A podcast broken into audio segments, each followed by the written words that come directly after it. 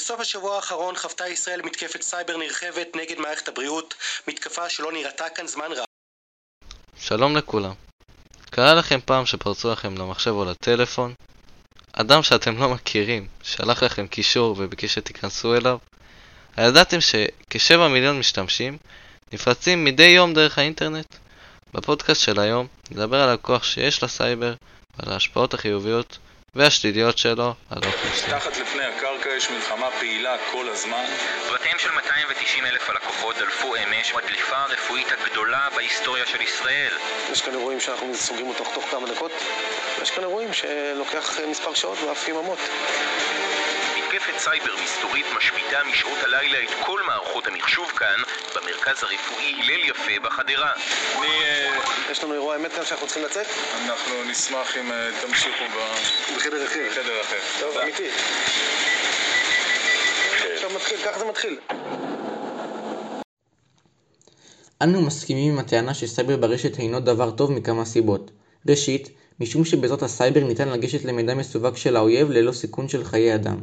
לדוגמה, בעזרת הסייבר חיילים ישראלים שמיועדים להילחם באיראן בשביל לעצור את התפתחות פצצת הגרעין יכולים לעשות את אותה הפעולה מבלי לסכן את חייהם כלל. שנית, לוחמת רשת היא דבר חיובי, בגלל שאין פעילות פיזית אלא דרך מחשב. ישנו חיסכון משמעותי של משאבים, כגון מזון, מים וכסף. מפני שבמצב של מלחמה פיזית הצבא משתמש במשאבים אלו, ואילו במלחמה שכוללת סייבר אין צריכה של שום משאב, פרט לחשמל ואינטרנט. יש הטוענים שסייבר ברשת אינו דבר שלילי, משום שגם האויבים שלנו, כל אדם שיש לו את המיומנויות הנדרשות, יכול לגשת למידע המסווג שלנו ושל הצבא. אנחנו לא מסכימים עם הטענה, משום שאפשר למנוע את הפריצות האלה בעזרת הכשרת מתמחים או בלימוד חיילים סייבר. לדוגמה, מדינת ישראל משקיעה המון כסף ומשאבים בלימוד הנוער את תחום הסייבר והתכנות, כדי שבעתיד הם יוכלו להגן על מדינתנו ממתקפות מסוגים כאלו. אמנם עד כה תמכנו בעובדה שסייבר ברשת הוא דבר טוב, אך בנסיבות מסוימות היינו משנים את דעתנו. למשל, אם למדינה מסוימת יש צבא ששומר על המדינה מבחינה פיזית, אך אין לה הגנה ממתקפות סייבר, אויביה של אותה מדינה יוכלו לחשוף פרטים של תושבים חפים מפשע, כגון כתובת, מספר טלפון, פרטי כרטיס אשראי ועוד. לדוגמה, בגרמניה בשנת 2015, פרטיהם האישיים של הפוליטיקאים הגרמניים נחשפו לציבור. במקרה זה, אנו נוכל להבין כיצד סייבר ברשת הוא דבר רע. 2017, there was an incredibly destructive automated worm that spread from machine to machine. Practically the entire national internet of Ukraine was shut down within hours.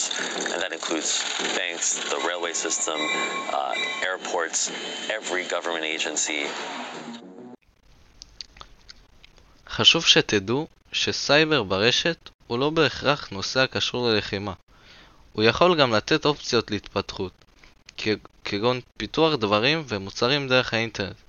לדוגמה, בניית אפליקציות שעוזרות לנו להתפתח וללמוד דברים חדשים, אתרים שעוזרים לנו לרכוש יותר ידע, רשתות חברתיות אשר מאפשרות לנו לתקשר עם אנשים בכל רגע נתון ללא מאמץ.